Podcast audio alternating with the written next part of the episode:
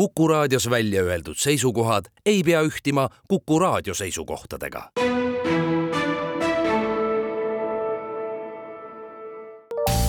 terviseks. saade valmib koostöös Ida-Tallinna Keskhaiglaga. vaata ka itk.ee tere, head Kuku kuulajad, eetris on saade Terviseks ja me räägime täna meeste hirmudest ja küsimustest nii raseduse ajal, sünnituse ajal, aga ka sünnitusjärgselt. mina olen Ingela Virkus ja koos minuga on stuudios Ida-Tallinna Keskhaigla perekooli juht ja ämmaemand Hanna-Maria Trei, tere! tere! sa tegid uurimustöö teemal meeste ootused tervisekommunikatsioonivahendite kasutusele tugiteenuste osutamisel raseduse ja sünnitusjärgsel perioodil, et kust see idee tuli? kas sa kuidagi ämmaemandana ja perekooli juhina nägid või tundsid ühel hetkel, et siin on ainest midagi põhjalikumalt äh, uurida? jah, tegelikult äh,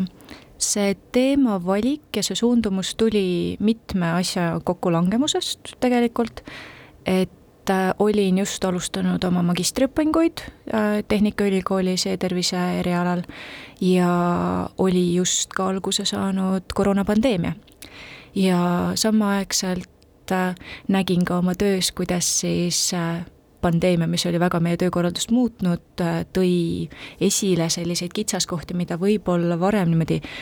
oli küll märgata, aga mit-, ma ei olnud nagu otseselt neid teadvustanud või see niimoodi eraldi kuidagi tähele pannud. ja siis, kui ühel hetkel tuligi aeg kätte see niisugune otsus ära teha, et mida täpsemalt uurida, siis mu enda selline sügav isiklik soov oli, et ma uuriksin ikkagi midagi sellist, mis on ennekõike mulle spetsialistina kuidagi kasulik ja absoluutselt, kui see aitab ka peresid või mu kolleege, et siis äh, see oleks ka sellises viisis kasutatav ja see teema lõppkokkuvõttes niimoodi sündis enne kui me läheme nende hirmude ja küsimuste juurde, siis kas sa võtsid kuidagi aluseks või tuli see sinu töös äkki ka välja, et äh, milline on täna ühiskonna suhtumine sellesse, et milline on mehe roll raseduse ajal ja siis ma ei tea, sünnitamise ajal ja rasedusjärgselt? Äh, jaa, et äh, nagu varasemalt me ju tegelikult liikusime ühel hetkel sellest, et et mehi ei olnud üldse sünnitusmajades või nii, me liikusime sellesse, et mehed tulevad sünnitusele kaasa ja on sealjuures, siis nüüd see on tegelikult veel enam laienenud sellesse, et mehed lisaks sellele, et nad sünnituse juures on, nad tegelikult tulevad ka juba rasedusaegsetesse esmastesse visiitidesse ja nad käivad ka raseduse ajal läbivalt kaasas ultraheli uuringutel ja ämmaemanda visiitides ja nagu me teame nüüd ka sünnitusjärgselt isad võtavad ju isapuhkust ja see ajaskaala või spekter, kus siis tegelikult nad osa võtavad, on ju ainult laienenud. ja see on ühiskonnas saanud aina igapäevasemaks ja aktsepteeritavamaks ja oodatavamaks, et äh, näha on, et ühiskond on nagu selle endale niimoodi uueks suunaks võtnud ja seda on väga tervitatav näha sa rääkisid, ma saan aru siis nende meestega ka nende hirmudest ja, ja küsimustest, et äh, mis on need peamised mured siis näiteks nende jaoks, äh, ütleme seal raseduse ajal? ennekõike neid huvitab hästi see, et mis on näiteks need märgid, mida tuleks jälgida, et kus on vaja otsida abi ja mis ka nende nagu selle rolli toetamise oluliseks teeb, on ju tegelikult see, et kui me muidu keskendume väga läbi naisemalli nõustamisele, siis äh, kui me räägime sellest perekesksest, isikukesksest äh, ravimudelist või hooldusmudelist tänapäeva tervishoius, siis nemad läbivad ka küll sedasama teekonda, need mehed, aga oma vaatenurga alt. Ja kui nemad näiteks küsivadki, et oot, mida ma pean tähele panema, kui mu partneril midagi halvasti on, siis naine näiteks on juba mõnda aega mingit sümptomit tajunud ja naine võib öelda, et kuule, et noh, see on okei okay., aga mees, kes on selle juures ka väga pikalt olnud, kes tegelikult märkab ära, et kuule, et nüüd on ikkagi midagi teistmoodi, et tema on see teine, kuidas öelda, turvavõrk ju tegelikult sellele partnerile ja sellepärast nad küsivadki, et noh, et mida mina märkama pean, sellepärast et nende kogemused on natuke erinevad ju selle kogu perioodi jooksul. ja nad uurivad ka toitumise kohta näiteks, et mehed, kes kodus satuvad kokkama rohkem, paarid, kes käivad koos sporti tegemas, siis mehed ikka küsivad, et äh, millal ma tean, et ta näiteks ei peaks midagi tegema või me peaksime tagasihoidlikumalt tegema. et äh, nad tunnevad selles suhtes väga palju huvi. Äh, lihtsalt mõnikord võib olla, et nad ei julge äkki küsida seda visiidis, et äh, mis küll minu uuringu ajal niimoodi välja ei tulnud, aga mis varasemas kirjanduses on välja tulnud, on see, et tihtilugu mehed ei eelda, et nad ämmaemanda visiidis näiteks võiksid üldse midagi küsida, sest nad kardavad, et noh, nad võtavad oma partneri ajast nagu ära.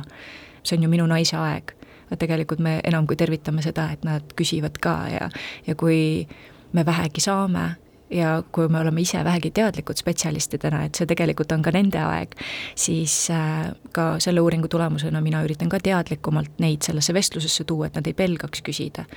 ja noh, muidugi raseduse lõpupoole tekivad kõik küsimused juba sünnituse kohta, et äh, millised need hirmud ja mõtted meeste peas siis on? siis on igalühel erinev, et et äh, see sõltub ka väga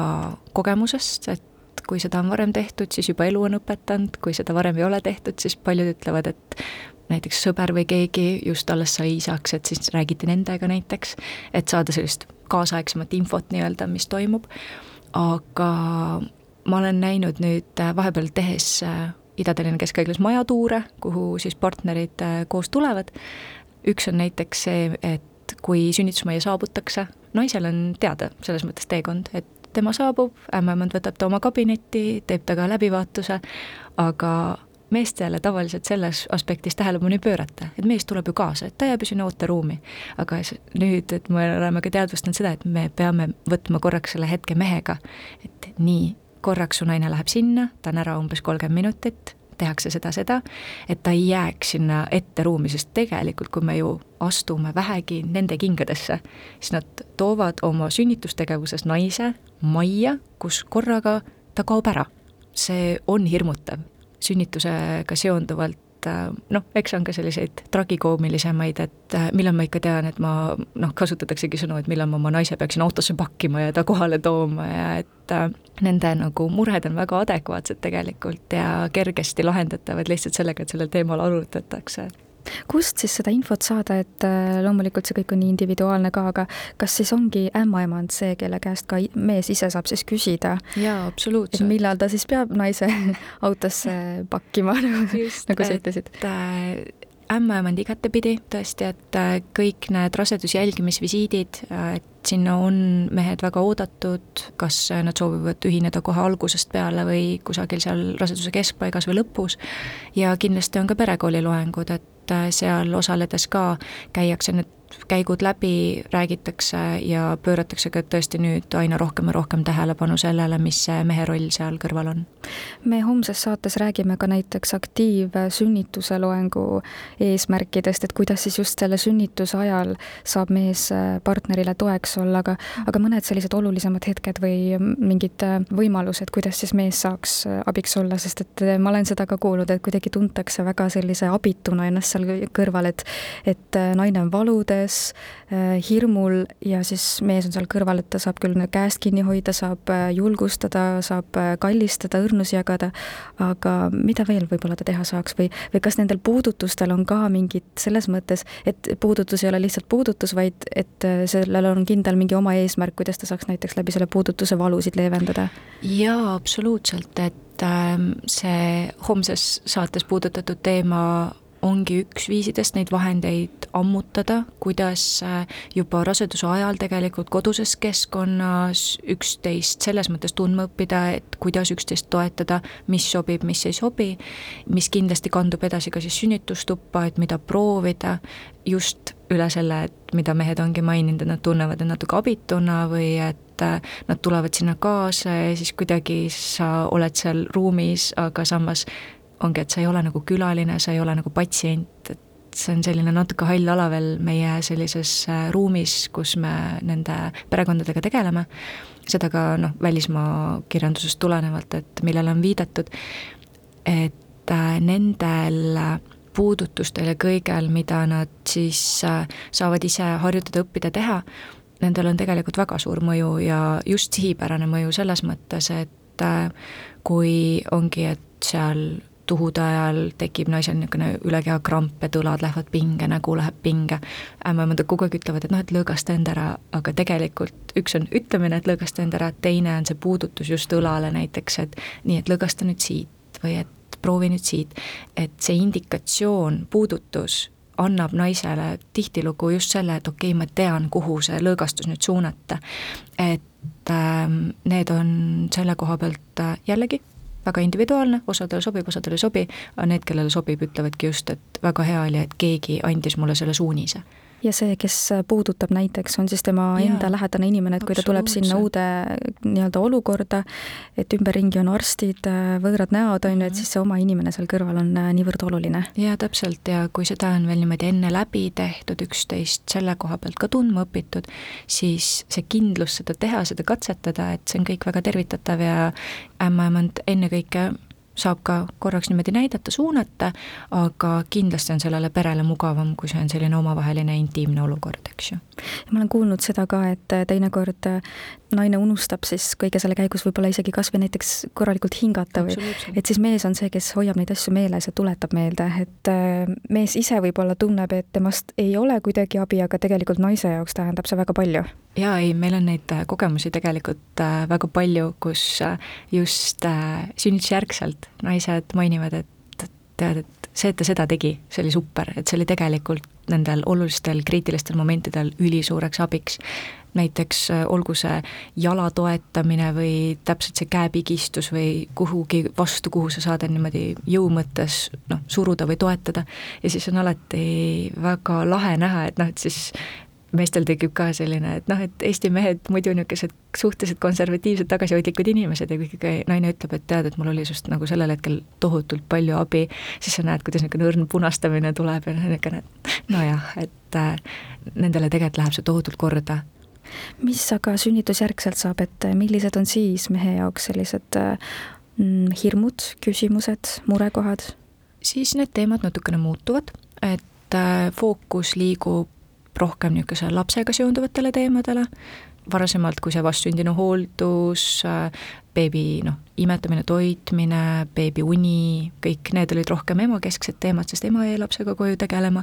siis äh, nüüd me näeme aina rohkem ja rohkem, et mehed tulevad ka nendesse loengutesse, sest nemad peavad ka sellega tegelema, et tekivadki sellised küsimused taaskord. Alustuseks, et mis on need punased jooned, mida ma teadma pean, et millal ma pean abi otsima kusagilt mujalt, mis on need esimesed abivõtted, mida ma saan ise anda oma lapsele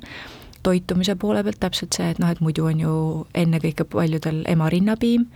aga mehed muretsevad ka väga palju, et kas mu laps saab piisavalt äh, süüa, kui palju ta peab sööma, mida ma nagu jälgima pean, et mu naise tervis on imetamise koha pealt korras. ja nüüd see uneteema, seal on ka nüüd väga palju mehi, sellepärast et lapsega kodus olles nad saavad aru, et äh, näed, et see on selline asi, millega peab tegelema ja ja seda,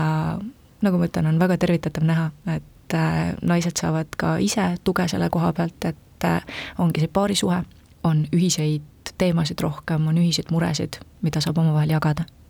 me oleme siin praegu rääkinud siis sellest, kuidas äh, mees saab läbi näiteks ämmaemanda visiidi või perekoolis osaletud loengute kasulikku infot, et kuidas oma naisele toeks olla, aga mida mees vajab? meeste puhul me oleme nüüd jõudnud tegelikult sinna etappi,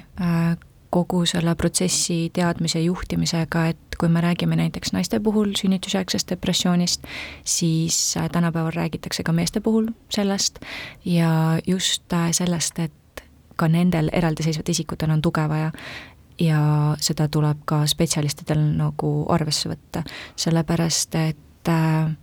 nagu me oleme siin ka enne rääkinud, et naine läbib selle sünni, rasedusprotsessi, sünnitusprotsessi omal kujul, aga seal kõrval on ju ka tegelikult see mees, kes ka see üheksa kuud näeb oma naist, näeb neid emotsioone, näeb neid muutusi, ta on seal sünnitustoas enamasti kaasas kogu selle pika protsessi ja ka käib selle ju oma emotsionaalsetel tasanditel läbi. ehk siis, kui sünnitusjärgsetes visiitides on enam kui normaalne, et me naisega räägime pärast läbi, mis seal sünnitustoas juhtus ja kas jäi midagi arusaamatuks, siis tegelikult see samaväärne tegevus võiks toimuda ka mingis ulatuses meestega. ja kui me seda märkame ja seda esile toome, siis äh, pikas perspektiivis äh, see on just nendele see toe pakkumine aitäh saatesse tulemast, Ida-Tallinna Keskhaigla perekooli juht ja ämmaemand Hanna-Maria Treining, palju jõudu ja jaksu teile! aitäh! terviseks saade valmib koostöös Ida-Tallinna Keskhaiglaga. vaata ka itk.ee